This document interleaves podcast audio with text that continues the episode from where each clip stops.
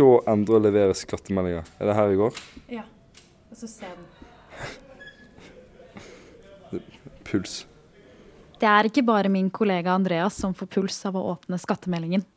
Selv er jeg dårlig økonomisk, har aldri oversikt over hva jeg får i lønn, og heller ikke hvor mye skatt som skal betales. Og nå sender skatteetaten ut skattemeldinger på løpende bånd til hele Norges befolkning.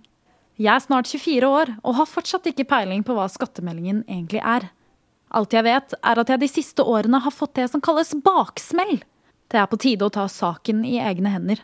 Derfor tok jeg en telefon til underdirektør i skatteetaten, Kristin Mellingsæter, for å spørre om hva skattemelding er. Det er egentlig et nytt ord for selvangivelse. Eh, skattemelding er det samme.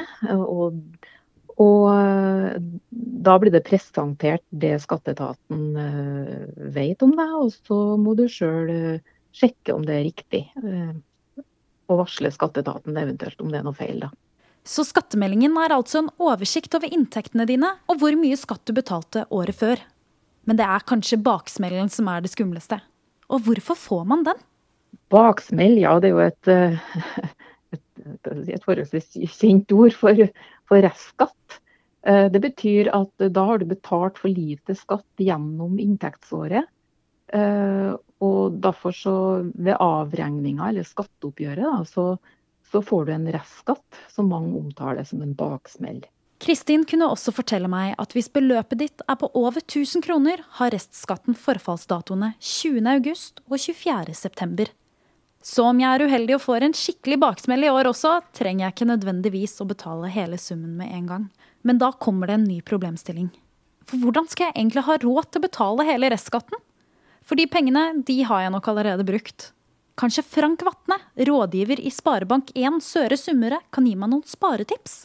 Ja, det, eh, Når det gjelder innbetalingsdato, det er veld, veldig lurt altså at du betaler inn alt du er skyldig da, før den 31. mai. For da slipper du eh, å betale rente um, fram til neste frist.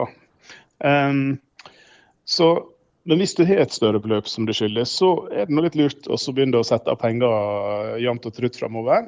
Um, og så kan du jo tømme garasje eller uh, Eh, boda di? Er det noe du kan selge?